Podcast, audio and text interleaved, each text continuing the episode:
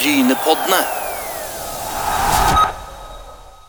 Brynepodden er på tur, eh, og vi har fulgt rv. 44 ganske langt nå, Asgeir. Og nå er vi kommet til, til Lura, og da lurer jeg på om det var lurt? Ja, det er veldig lurt. Nå er vi på grensa til Stavanger omtrent, Sandnes øst. Eh, siste stopp i Sandnes kommune før vi beveger oss inn på sjarmøretappen, får vi vel kalle det, i Stavanger.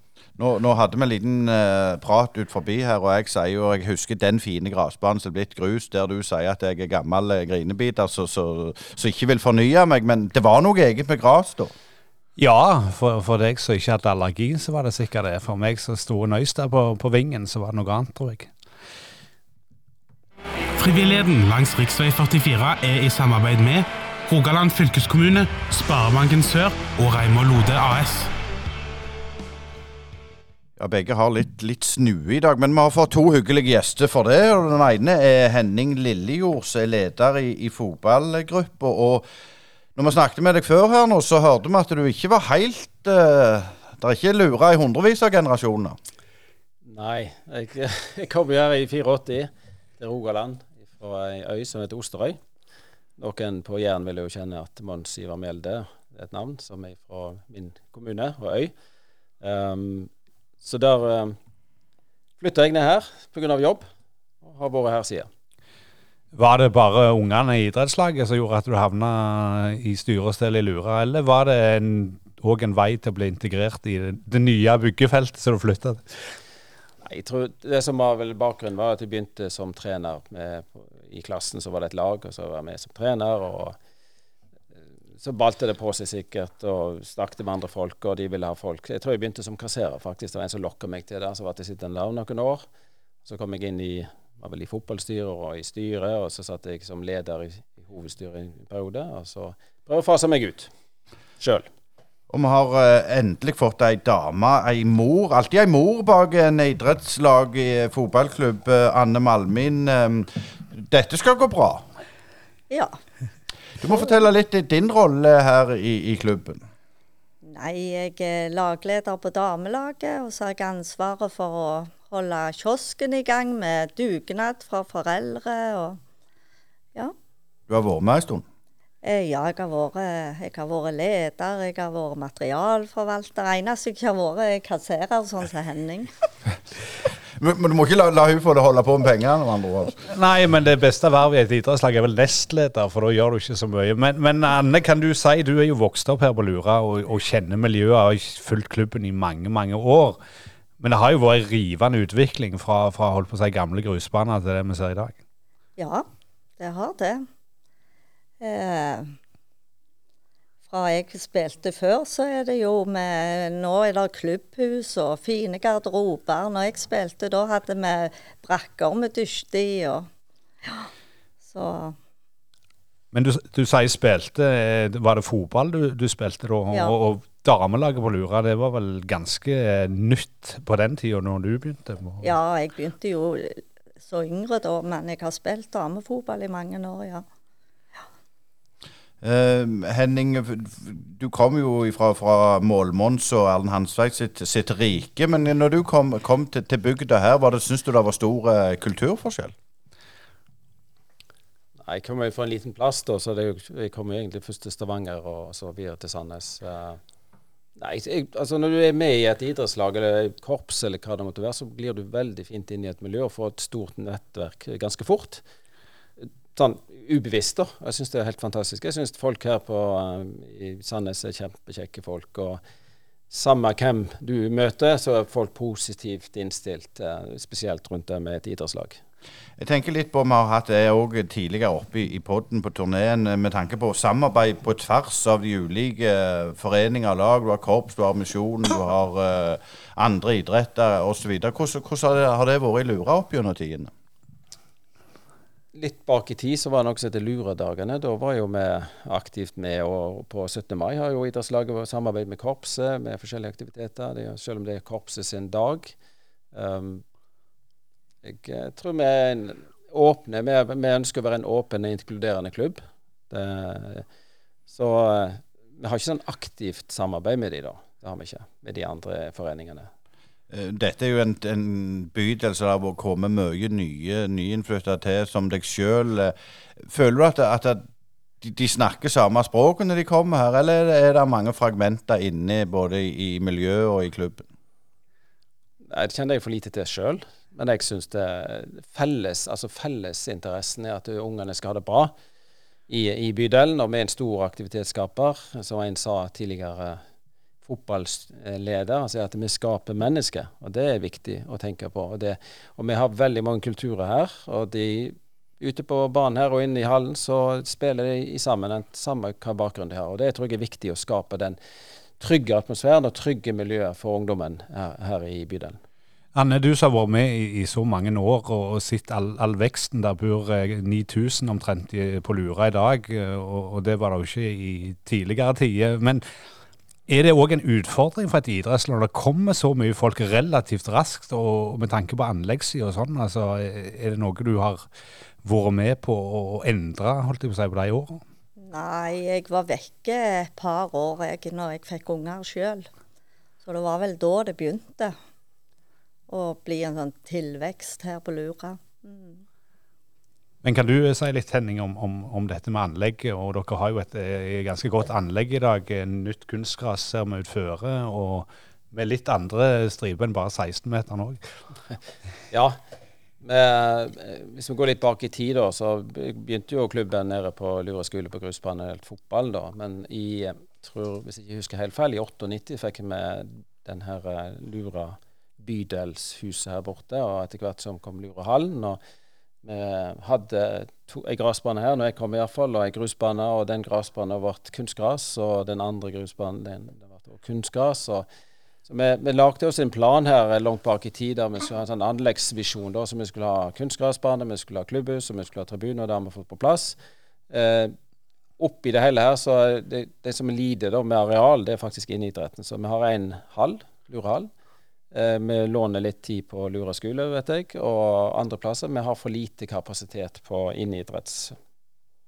Men tenker litt for din del, Anne. Du nevnte det at dere spilte på, på ikke sånne fasiliteter, dusja i brakke og sånn.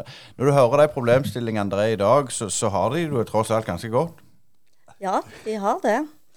Eh, jeg syns jo det var gysla gildt og sosialt når vi dusjte i de brakkene. Ja i forhold til nå. For nå bruker ikke yngre lag De har ikke den garderobekulturen som vi hadde. Når tror du den endringa kom? For det er noe som andre òg har sagt på, på, på, denne reisen vi har hatt, at, at den garderobekulturen er der ikke? Nei, jeg føler ikke liksom Vi må jo bort i Lurahallen, og det er liksom Det, det er akkurat de ikke helt tør hjemme i Lura, det. Men når tror du den, den, tingen kom? Altså, Nå er sikkert vi sånn cirka like gamle, og jeg husker jo òg at det var den garderobekulturen var viktig, men nå springer de hjem med en gang treninga er slutt. Har det vært sånn lenge, mener du? Eller snakker vi om 10 år? 20 år? Nei, nå syns jeg det er gale borti Lura, for nå, jo, eh, nå er det jo ikke tilsynsvakt. Så nå må jo alle ha nøkkel for å komme inn. Og da må de jo opp her og hente og ikke alle som vet om det heller. Så det er ikke bare til å gå inn i en garderobe, sånn som før. Eh, Henning, kan du eh, si noe mer om dette her, og om, om, om garderobekulturen? Altså, er det en utfordring, eller eh, syns du det, det, er greit at de springer hjem, holdt jeg på å si? og Har det òg litt med samfunnet generelt rundt oss? Det du sier på slutten der, samfunnet.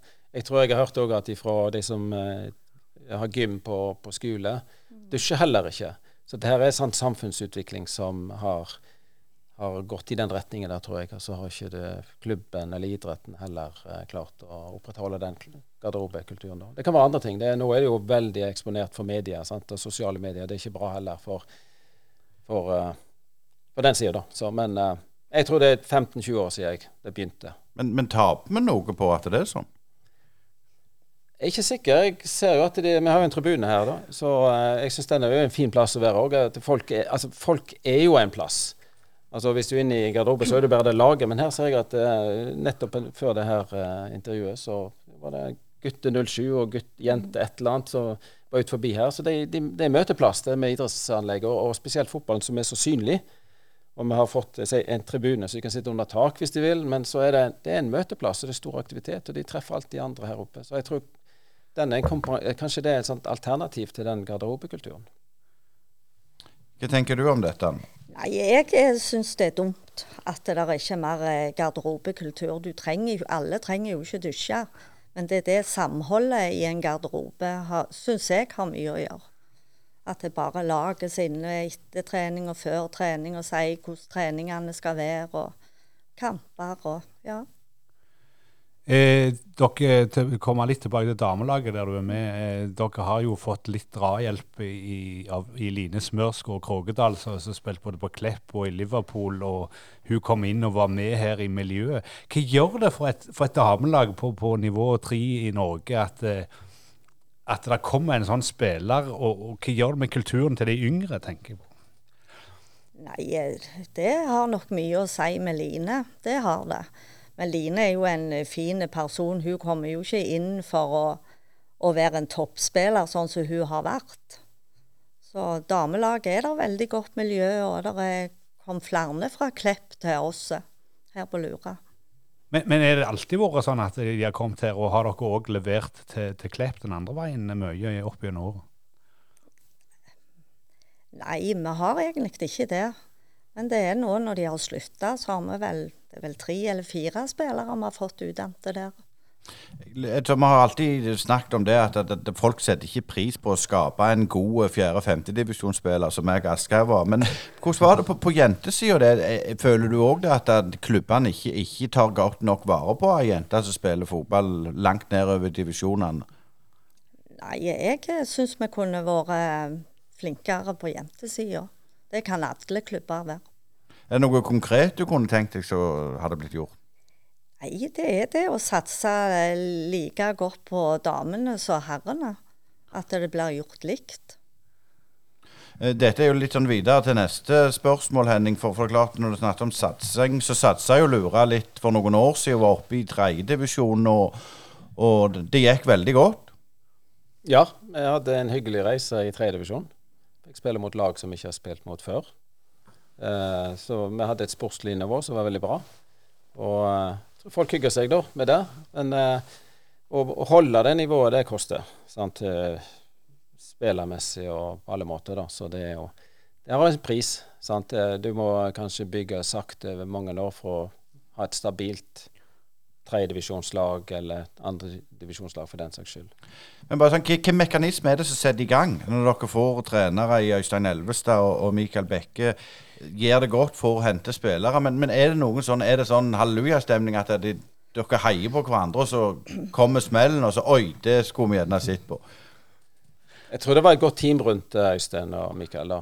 Det var det. Så De hadde god støtteapparat rundt, og det er òg viktig. sant? De kan ikke gjøre alt sjøl.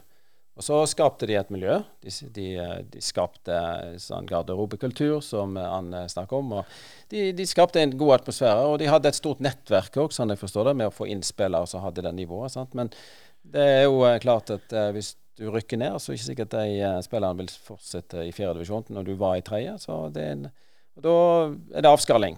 Sant? Og da må du få inn nyhet. Sant? Eller eller du bygger på dine egne. Så ikke, Vi hadde jo ikke et juniorlag som var, hadde spillere på tredjedivisjonsnivå, f.eks. Du kunne bare fylle på med. Anne, dere hadde jo litt av det samme utfordringen på damelaget når de rykte opp i andredivisjon, og, og måtte òg reise mye lenger enn en tidligere. Var det noe av det samme som skjedde der, eller, eller er det en annen historie? Nei, Vi hadde jo egentlig aldri trodd vi vant den kampen med så mange mål. Men uh, det var jo det som var clouen. Og vi hadde jo egentlig ikke noe ønske om å rykke opp. Og når du har masse som har uh, unger og sånn, så visste vi jo at det kom til å bli vanskelig. For vi hadde jo På damelaget på Lura under coviden så kom det enormt mye unger. og så, så, de var jo med med menner og små babyer opp igjennom, så vi betalte jo av egen lagkasse så de fikk ligge på hotell for vi skulle klare å holde laget, faktisk. Men, men, er det utfordringen for en klubb som lurer, som er en breddeklubb, har vært en breddeklubb, og at en plutselig må oppi der? Altså, Fins det nok hjelp å få i, i forbund og, og kommuner og den slags, eller er det sånn at da må dere virkelig klør dere i hodet og tenke hvordan skal vi få dette til å gå opp? Jeg tenker sånn som så Lura de la nå alt til rette for oss, vil jeg si. Hva forbund og sånn, hva Lura fikk og sånn, det vet jeg egentlig ikke. Nei, vi heier jo på damelaget Ja. når de rykte opp. Endelig Ja. damelaget vårt. sant? Så vi heier på de den sesongen Ja. de var oppe, og eh, støtter de. Eh, det som klubb, eller si kommune og krets eh, eller forbund, det er ikke store sakene de får for det. Det er mest krav til hva du skal ha tilgjengelig. At du skal ha ei båre stående her, og du skal ha eh, sikkert eh, ambulansetjeneste omtrent på døra. sant? Så det var mer de kravene de stilte, da. Men, men dette med krav, altså det er jo ikke ukjent i, i flere klubber som, som tar steget. Altså Det er jo noen som kommer opp eh, fra, fra sånn mindre steder og spiller, enten om det er en stor gründer som står bak, eller de bare får en dyktig eh, årgang eller kull. Og så plutselig så må få breddeklubben eh, enormt mye større utgifter enn det de normalt ville hatt. Altså, Bordet fanger litt på, på suksessen der. Eh, er det vanskelig å finne den balansen? Altså for På den ene siden så er det veldig kjekt når et lag klarer et opprykk mot alle forventninger. og og den andre siden så begynner man begynner å klø seg i hodet. Jeg husker vi hørte her fra Cato Hansen når de rykte opp med SIF i, i Obos, og så satt de der etter kampen og sa oi, hva har vi gjort for noe nå? Altså, Følte dere litt av det samme her? Jeg tror vi satt vel igjen med en følelse hva som skjedde, ja. Det, Det var, gikk vel på det at hun som sto framfor i mål der, visste ikke helt om hun skulle skåre eller hva hun skulle. For å si det sånn. For vi hadde egentlig ikke trodd vi klarte, og vi var egentlig fornøyde med at vi hadde gjort det så godt i serien. At vi hadde ikke som mål å gå opp i annen, nei. Det, når vi snakker om fotball, sant, så har vi hatt damelag som er oppe i andre divisjon, vi har hatt Ja. herrelag i tredje divisjon, og kanskje mer på damelaget med mødre. Sant? Det, var, det var den økonomiske delen med reising selvfølgelig en kostnad, men de skal ta fri en hel dag og reise, Ja. kanskje to da. Det var kanskje større problem på damelagssida enn på herrelagssida. Ja. Det var jo eh, mødre som reiste med mann og tre unger opp for at vi skulle klare på kamper. Men, nå har jo jeg spilt mot Lura og skal, skal ikke skryte på meg for mye gode prestasjoner på banen her, men jeg, har alltid tenkt nå har jeg seg konsekvent breddeklubb. Men jeg føler liksom allikevel, for å si det før deg, Henning, ikke lure òg litt en toppklubb allikevel? Vi sier vi er en breddeklubb. Eh, jeg vil ikke si vi er en toppklubb. Vi har ikke de ambisjonene per i dag. Vi sier at vi er en bydelsklubb, ergo vi er en breddeklubb. Vi kan godt levere spillere til Bryne eller til Sandnes Ulf eller til Viking, som vi gjør. Det vet du at vi har hatt flere opp igjennom. Akkurat nå så Siste proffen på toppnivå er vel Symer, som sitter vel i Tyrkia nå. og er veldig tilgjengelig hvis vi spør han om ting. Har vært utpå her om sommeren og trent, og ser unger flokke seg rundt han. Så eh, nei, vi har ikke sånn sterkt behov å være liksom en sånn eh, pådriver for å være i førstedivisjon i fotballen eller samarbeid i idrettene. Vi må ikke glemme dem. Så det, det har vi ikke som en profil. Vi har, en, vi har verdier. Kan godt ta de kjapt. da. Det er Bokstavene lurer. Fort enkelt. Det er levende for L. U utvikling. R eh, respekt. Og A for alle. Eh, jeg tenker litt på forholdet til naboklubbene. Vi har jo vært innom eh, ja, Gandal utover Jæren, der, der Viking på en måte sluker mer og mer. Dere ligger jo ikke så langt ifra Sandnes Ulf, men hvordan er det for, for, for dere der? Dette vet jeg er litt sånn eh, varm og potet å diskutere, men, men hvordan, hvordan er det for deg og dere? Litt bak i tid så var det jo litt den her at det gikk litt for fort spillere opp til Sandnes Ulf. Da var meg en annen eh, som heter Stig Hølland. Vi var oppe og snakket med sportslig leder og sa at dette her må vi ha en klubb-til-klubb-samarbeid.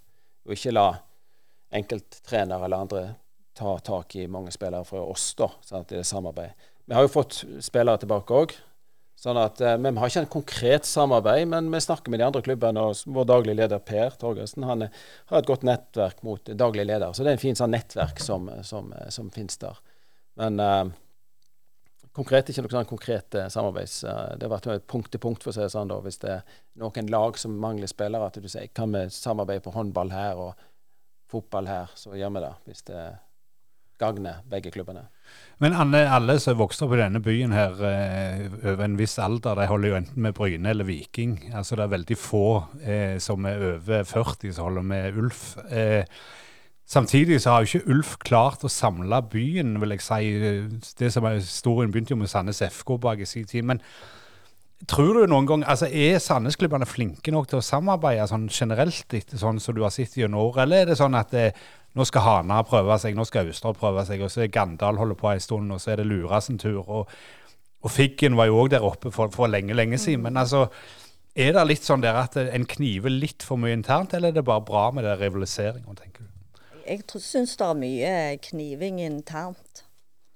Jeg syns vel at det har blitt litt bedre opp mot Sandnes Ulf etter de gjerne kom litt høyere opp i forhold til når jeg satt som leder.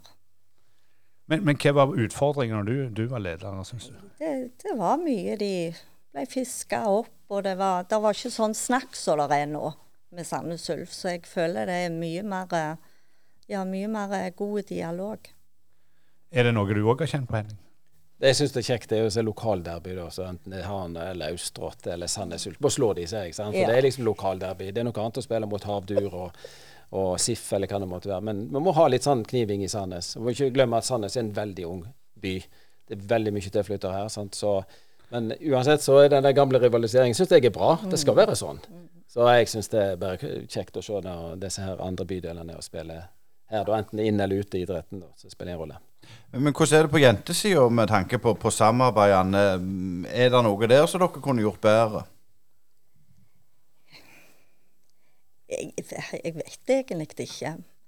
Jeg eh, føler vi holder på i hver sine klubber.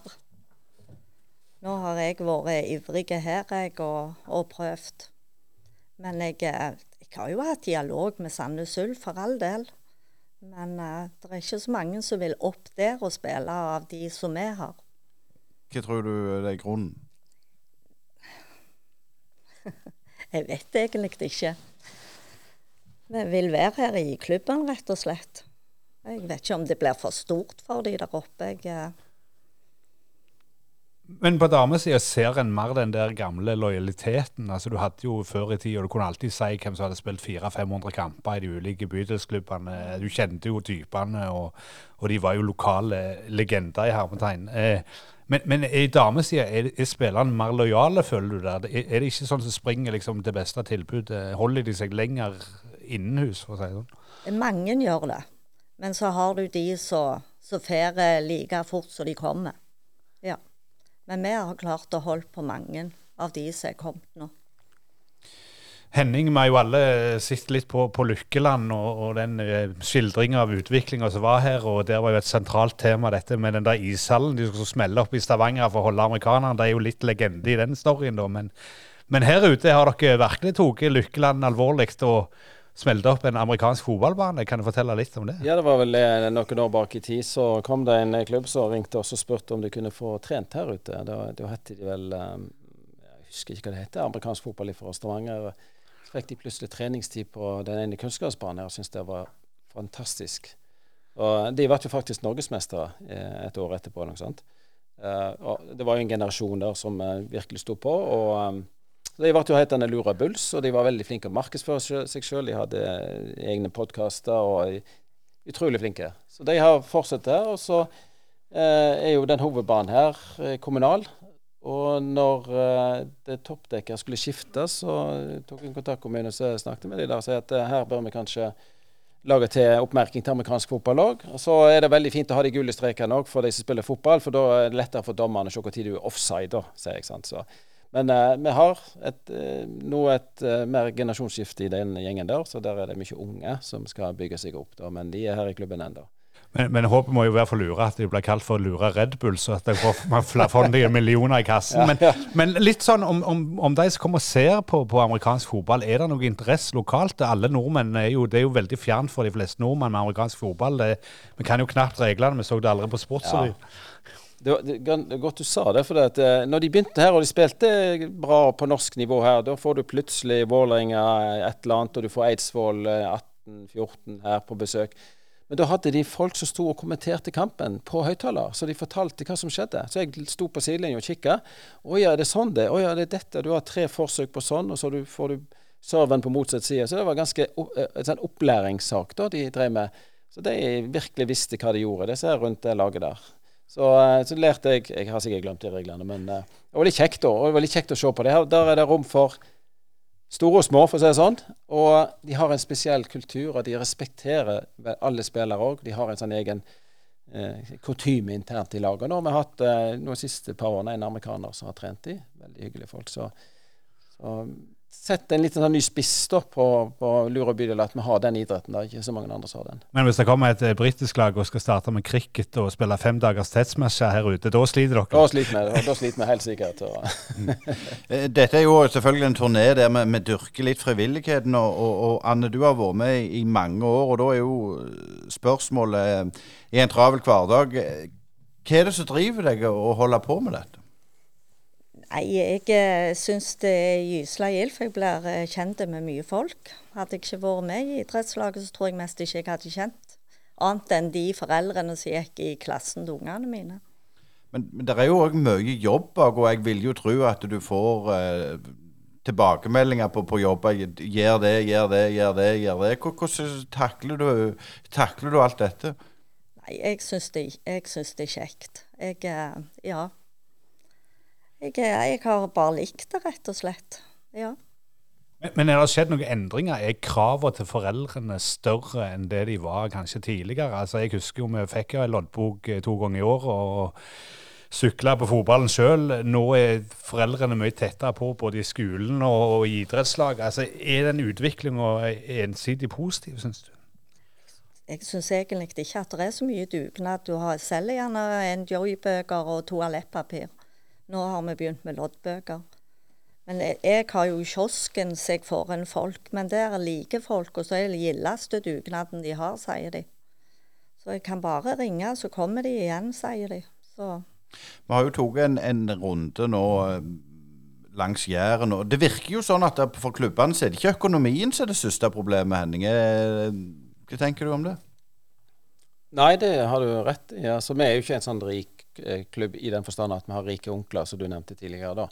Men vi har uh, prøvd å kjøre nøkternt uh, opplegg i mange mange år og spart opp penger til investeringer. Uh, det å få folk med, som du sier. sant? For, nok, for Noen lag vil jo ha mye foreldre rundt laget og hjelpere, mens andre er det nesten går de alene. Sant? Så det der er litt sånn lag for lag og gruppe for gruppe, kanskje. Så vi har sikkert en jobb å gjøre der. Eh, det er mulig. Her på Lura, som kanskje i andre sånne bydels i, knyttet til et større område, så konkurrerer jo vi med mye annet. Altså mange andre tilbud for ungene, og alternativet ikke gjøre noe, da. Um, så Men det, når du møter og Jeg tror du må gå mer rett på folk nå og så spørre kan du være med. Du kan ikke sende en e-post, eller uh, det kan de avvise. De sier, hvis det kommer en person på døra di og selger lodd, så kjøper du. Hvis de ringer deg på telefonen, så kan du si høflig nei, at de kjøper ikke. sant? Så det er litt at du må møte dem eh, ansikt til ansikt. og det er Lettere å få folk med. Og Har vi hatt dugnader her, så folk sier oi, det er jo kjempekjekt og har vært kjent med mye folk, som Hanne sier. Det er jo en fin måte å eh, treffe andre folk som bor i bydelen. På tvers av kulturer, på tvers av yrkes valg og sånt. Og kanskje plutselig møter du naboen din òg som du ikke har snakket med. Men er det litt utfordringer med, med den dataverdenen som vi lever i, med iPhone og alt du skal dokumentere? at det, Har klubbene vært flinke nok å selge inn akkurat det du sier nå? Det kan godt være at vi ikke vi har liksom, eh, Det er en reise, dette her, for alle klubber i Norge. eller i verden, for den saks skyld. Så jeg tror det, det som skjer rundt oss, må vi tilpasse oss. Det vi har gjort da, for å skape litt eh, kultur og miljø her Vi ansetter jo en daglig leder. Nå har vi en som heter Per Torgelsen, har vært et par år. Og vi hadde jo faktisk her Når var det? Rett etter sommerferien hadde vi en internasjonal dag her. Så kunne vi smake mat fra alle mulige verdenshjørner ut på fotballbanen her. Og det var mye folk som kom, og vi viste fram alle idrettene våre ut på denne kunstgressbanen. Det var veldig kjekt, faktisk. Og jeg tror det er mange som var stolte av å, å, servere maten sin til oss nordmenn. Det var noen som etterlyste kumle, da, som vi kunne servert andre veien. da. Så, eh, så det, det, altså, vi er en veldig multikulturell bydel, og, og, veldig kjekt å treffe alle her. Og driver du idrett, så er det helt ufarlig. Det er en, en aktivitet som du ikke trenger tenke på hvor du kommer ifra, hva bakgrunn du har. Så eh, jeg prøver å skape miljø. Det er egentlig det som vår daglige det Skape et miljø. For vi, har, eh, vi, må ha noen som jobber litt sånn kontinuerlig med det. For eh, vi har jo ikke tid alle til alt. Da, men sånn som Anne og, sant, og mange med henne. De går på jobb først, og så går de bort her etterpå. Så. Men jeg må jo si det at det er hun som har kiosken. Vi har jo antageligvis Sandnes sin beste kaffe, iallfall. Jeg jeg betaler alltid fast pris på han, jeg, for han er så god. Dess mer du betaler, dess bedre er han, ser du. Og da støtter du klubben. Det høres veldig Jeg holdt på å si, jeg, får- jeg må bare spørre, får du, no, noe jeg er sterkt igjen? Det hørtes mest Ja, sånn ut. det, jeg skal ikke, det kommer an på hvem som serverer, da, men uh, min kopp koster alltid 50 kroner. Ja, men det, det, det er bra, for, for det er ikke bare noen sånn halslærende kaffemaskin det går i. For det, det er mange som har gått over til det òg. Men eh, som noen av lytterne vet, så bor jo jeg til daglig i utlandet og, har opplevd liksom å gå den andre veien. og, og med dette flerkulturelle som du snakker om eh, Du skal ikke langt av gårde før dugnad er et fremmedord og ingen har hørt, og det er jo et sånn særnorsk ord nesten. Eh, hva har dere gjort aktivt for å på en måte dra inn eh, de som kommer til bydelen, som, som ikke nødvendigvis har en norsk bakgrunn og har blitt flaska opp på det der vaska skole, eller hva det måtte være måtte gjøre for å tjene penger til turneringer? Jeg, jeg tror det er De som i hvert fall begynner i idretten, så blir jo tatt imot sant, på lik linje med andre. Vi har jo hatt, eh, Nå har vi fått litt fra Ukraina, faktisk. og De går jo inn i en gruppe der som det er, det er en del folk rundt er et lag, enten det er håndball eller basket. og sånt. Så, så da får du liksom en sånn sakte Vi gjør ikke noe aktivt mot det, da. sant, så det er du, får liksom Jeg tror det, det, det målet, eller det som vi gjør, det er at du får de rett og slett inkludert, rett og slett. Og så får det med dugnad komme etter hvert. Vi er ikke sånn stor dugnadsdriverklubb per nå. Det, det er mer en sånn Hvis du selger dopapir eller noe annet, så får du litt til laget, så det er motivasjon. Det er ikke kun for sånn klubbinntekter. Så, eh, så derfor eh, er det en annen type dugnad enn kanskje vaske ned en, eh, en, et bygg. For, sant? Så det er litt enklere type dugnad, men det skal jo selges ting da. For det er penger som, kan, så trengs rundt et lag, og, og litt dryppe på klubben òg, siden vi organiserer det. Og hvis vi tar eh, det- beste eksempelet, så var det jo en viss eh, Lennox Kanu som dukka opp her for en del år siden. Kan du ta litt om den storyen? Ja, jeg, jeg fortalte deg litt tidligere, det var litt artig. Det var i 2000, tror jeg, det var et helt lag fra Sierra som hoppa av på Norway Cup. De ble jo fordelt rundt i Norge, og jeg tror det var tre-fire stykker som kom til Lura. Blant annet Lennox. Han fortalte meg jeg vi engasjerte ham som trener nå i vinter, da, og så fortalte han litt om historien sin og til meg. og syntes det var litt fascinerende. Så jeg sier, når, de kom, så hadde vi gressbane her. Og utpå høsten så ble de tyngre og tyngre. Sant? Og nordmenn de siger ned i, tungt ned i. Du ser det på kroppsholdningen når de springer ut på gresset her, at her er det ikke lett. Og der kom disse antilopene fra, fra vestkysten av Afrika og sprang på fra tur til tur og bare danste over det her. Det imponerte meg. altså Hvordan går det an? Så han sa jo sjøl at han var godt trent når han kom, sa han. sant? Og, men det var jo ganske kjekt. Og han som var da treneren til de, som vi kaller coacher, det er ikke egne, han fikk vi, skaffet vi jobb til på Kvadrat. Han jobber der ennå. Og i mange år så har han hatt en container der borte og samler inn klær og penger til å sende hjem til Sierra Leone. Det står det respekt av. Men det at dere får Lennox tilbake som trener, det er jo sånn en litt sånn der han er happy ending, på en måte. Han sa det at han hadde lyst til å gi tilbake til klubben. Han syns det er kjekt å kunne bidra til, til Lura bydel, her han har sine første, første tid i Norge. da. Så han har jo vært på en reise rundt sånn sportslig, da, i, blant annet i Sogndal og, og litt rundt omkring. Og eh, bor nå, da, i Sandnes i Gandal. da. Så eh, jeg ringte han. Jeg hadde ikke snakket med han før, men det var en fantastisk kar dette her med Lennox. altså Bare smilende og, og glad. Anne, vi må innom denne kiosken der nede. Vi så jo den var åpen nå på kveldstid, og at folk kan gå og få seg ting eh, før eller etter trening. og, og eh, det er ikke alle idrettslag som har vært så det har vært åpen kiosk midt i uka. Er det noe dere har jobba bevisst med å bygge den opp, liksom? Eller er det fordi det er mangel av holdt på å si, gatekjøkken rundt hjørnet? Ja, etter kompafôr. eh, nei, eh, vi hadde jo ikke åpent så mange dager i, før korona, da. Så det er jo første året, sesongen vi prøver åpent både mandag til torsdag. Ser dere noen effekt i, i klubbkassen av, av dette? Eh, ja, det gjør vi nok òg. Eh, men eh, det er veldig populært. Vi får mye skryt for vi har åpent. Det er veldig sosialt, mener de. Mm. Litt sånn, Henning, nå er det jo en sånn flerkulturell bydel, og når vi har vært på, på Jærklubbene, så er det en helt annen eh, utfordring de har enn en dere. Eh, Det må jo òg være veldig spennende, sånn som Asker sier, dugnad f.eks. Det vet jo mest ikke Altså, Det kan jeg fortelle. Jeg, jeg var trener eh, på Klebe, og da, da skulle vi ha dugnad. Og da var det en, en som hadde kommet fra, fra fjerne himmelstrøk, og han visste ikke hva ordet betydde engang. Så måtte du liksom fortelle han og, og selge dette inn. Så, så det er jo litt andre, andre utfordringer òg. Ja, det, jeg, jeg vil jo si at eh, vi må se på, på de andre kulturene som et bidragsyter. Jeg jobber i et multikulturelt selskap sjøl og jeg tenker aldri på at den er fra Vietnam og den er fra Brasil og sånt. Det, det samme har jeg som holdning her da på Lura. at uh, Kom her, de har mye spennende. Det var en, bare for å ta en liten sak. Det var kom en kar her i vår som kom alene til Norge, 14 år gammel, til Kragerø, tror jeg han havna først. Flyttet til Stavanger her. Jobber nå på Ikea. Og han, bevisst så lærte han seg litt sånn rogalandsdialektsving. Og så snakket jeg med han her nå Ja, han uh, hadde blitt pappa, han var rundt 30 år, tror jeg. Uh, han skulle hjem til familien sin i Somalia. Så hvor mange søsken har du? Ja, du har 25, sa han. Altså Det er noen andre dimensjoner her. Altså Her er en gutt som har reist alene. De har en historie bak seg som vi ikke kan forestille oss. Altså, så det der tror jeg gjør litt godt oss at vi er ikke oppvoksen med en A4-verden og trygg verden som i Norge, at folk har en annen bakgrunn kanskje det vi hjelper oss nordmenn for å si sånn, å sette pris på det vi har. Eh, så, men jeg, det, jeg, tror de fleste er positive. De er kanskje ikke så åpne i forhold til her at det er kanskje der de sender ungene på fotballen eller i håndballen, og sånt, så er de litt sånn på avstand. Vi prøver også å krympe den avstanden der med sånn som vi hadde den internasjonale dagen. Det var fantastisk kjekt. Det er fint vær. og eh, det, det, kan være en sånn åpner for det å bygge de relasjonene som kanskje ikke er der. Men, men jeg, jeg, har jo ganske mange år erfaring med Midtøsten. Er, er, det mer en utfordring å få jentene med i ung alder enn en guttene, f.eks.? Anne? Eh, ja, jeg vil si det. At de kommer i en alder der de Ja. Eh, videre med, med lura framover, hva tenker dere eh, klubben eh, framtida? Altså nok eh, A-laget har hatt litt problemer nå i, i, i denne sesongen. Hva tenker dere rundt det? Har dere liksom lagt en annen list framover, eller hvilke visjoner har dere på de kommende årene?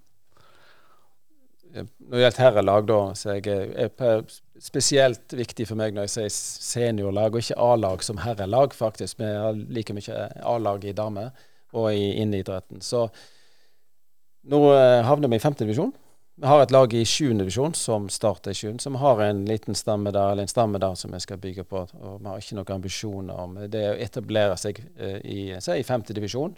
Og så jobbe ut ifra det. Men det viktigste for oss nå er å bygge Vi har et sånt gap fra årsklasse her som vi skal bygge, fylle inn det hullet fra si, seniornivå på herre og, og damelaget og ned igjen. Det er de unge. Klarer vi å ta dem med oss helt opp? Til junior, så de kan fylle inn på seniorlag. Det er en utfordring. Det gjelder jo alle idretter, og sikkert de fleste klubbene, å, å få til den der. Altså, ja, alle årsklasser. Det, før hadde vi det, men eh, det var 20 år siden kanskje. Men i dag så er det vanskelig. Det er tøff tid der inne i tenårene. Så eh, det er okay. Noen klarer det. Vi hadde nett et møte med et lag som var ned på Hvor mange var de? 14? Mm. Altså minker. Så plutselig nå er de 24. Altså, spør meg hvorfor. Aner ikke, sier han. Men de bygde litt på lagfølelse. De var reiste, gikk på eh, Preikestolen og gjorde en del sånne sosiale ting. Men jeg tror det å skape et godt miljø er faktisk det viktigste. Skape et trygt og godt miljø for ungdommen. Nå snakker jeg ungdom. På Lura så vil de flokke til og forhåpentligvis uh, synes dette er en kjekk ting å drive på med i fritida. Anne, du som har vært med her i mange år. Eh, vi kjenner jo alle det fra alle idrettslag, at det henger litt på en viss antall foreldre. Har du gode foreldre som tar tak sjøl når de er veldig unge, så har du som regel en gjeng med deg lenger. Er det en utfordring du ser i framtida òg for, for breddeklubber? Jeg har jo ikke så mye foreldre med nå rundt damelaget. Det har jeg ikke. Men eh, nå har jeg jo ikke vært ute og spurt heller, da. Nå må jeg tenke litt lenger ned, ja, altså. Ja. Sånn erfaringsmessig, du har vel årganger som, som hadde gode trenere, og årganger som hadde mindre ja. gode. Det er jo sånn som så, så skjer, holdt jeg på å si. Ja har jo som regel vært foreldre, da. Så er det de samme foreldrene som går igjen. Det er sånn alltid. Litt sånn avslutningsvis her, Anne. Hvor er Lura klubben om, om fem til ti år? Hele klubben, det du tenker på? Mm. Eh, jeg tror damelaget ligger nok i tredje. Eh, herren kan nok være gjerne i fjerde. Vet ikke. Det er alt etter hva, hva klubben vil. Mm. Men jeg tror på at vi har et godt basketballag, og vi har god eh, kanskje håndball. lever kanskje det mm. vanskeligste altså arealmessig, som jeg snakket om tidligere. Og innebandy kan plutselig blomstre opp. Det er, stor, det er stor rekruttering på de inneidrettene òg, så det kan godt være det er de som rykker opp igjen og så virkelig gjør det skarpe Så eh, applauderer alle, egentlig. Altså alle gruppene. Det er, ikke, det er lett for at det er fotballen som er ute, som er synlig for de sin bydel. Men vi har stor aktivitet i hallen. Det skulle vært glassvegger på hele hallen, så folk så det som skjedde inne, faktisk. Men apropos hallen, da, til slutt. eh, Er det noen planer om å utvide og få noe bedre, eller står dere litt bak i køen? Vi har et uh, ildsjel i, eh, her i bydelen. Han har vært med i klubben. og Han har ett mål i livet, nesten. da. Eh, i hvert fall. Det å få kutte ut en, en tung trafikk. Vi har uh, et stort uh, selskap med uh, trailere som står ut forbi her, transport. Den eh, store Askohallen eh, er jo planen, og kommunen, vi har fått inn i kommuneplanen at det skal etter hvert omgjøres til eh, 50-50 omtrent til idrettsformål og bebyggelse. Det, og veien inn her til Lura, altså mot øst, da skal det saneres mye bygg, og det skal bygges eh, leiligheter. Så eh, det blir ikke mindre folk på Lura, tror jeg. Jeg tror vi får eh, tilførsel, og kanskje vi er stabile på medlemsantall. Og så tror jeg vi, vi som klubb er viktig at vi er en positiv aktør i bydelen, sånn at folk har en trygg og fin plass å være og drive på aktivitet og mestring. Det vil jeg sagt, det, er- det er målet, altså, hvis du hadde spurt meg. Så Frivilligheten langs rv. 44 er i samarbeid med Rogaland fylkeskommune, Sparebanken Sør og Reimar Lode AS. Det får være siste ord fra Lura, og tusen takk til Henning og Anne som stilte opp sporty på en eh, kald eh, høstkveld. Og Asker, nå skal vi ta turen videre, og du er, du er vel Ja, jeg er bedre enn geografi her, for du er, du er ikke så god på Du er bedre på utenrikspolitikken, du. Ja, det er jeg, og- men nå skal vi over bygrensa til Stavanger. Og der er de farlige, har jeg hørt. Ja, vi får sjekke opp litt hva som skjer i Stavanger-klubbene. Tusen hjertelig takk for at du fulgte med oss i Brynepoddene. Og følg oss på turen. Vi er på nye klubb neste torsdag. Brynepoddene.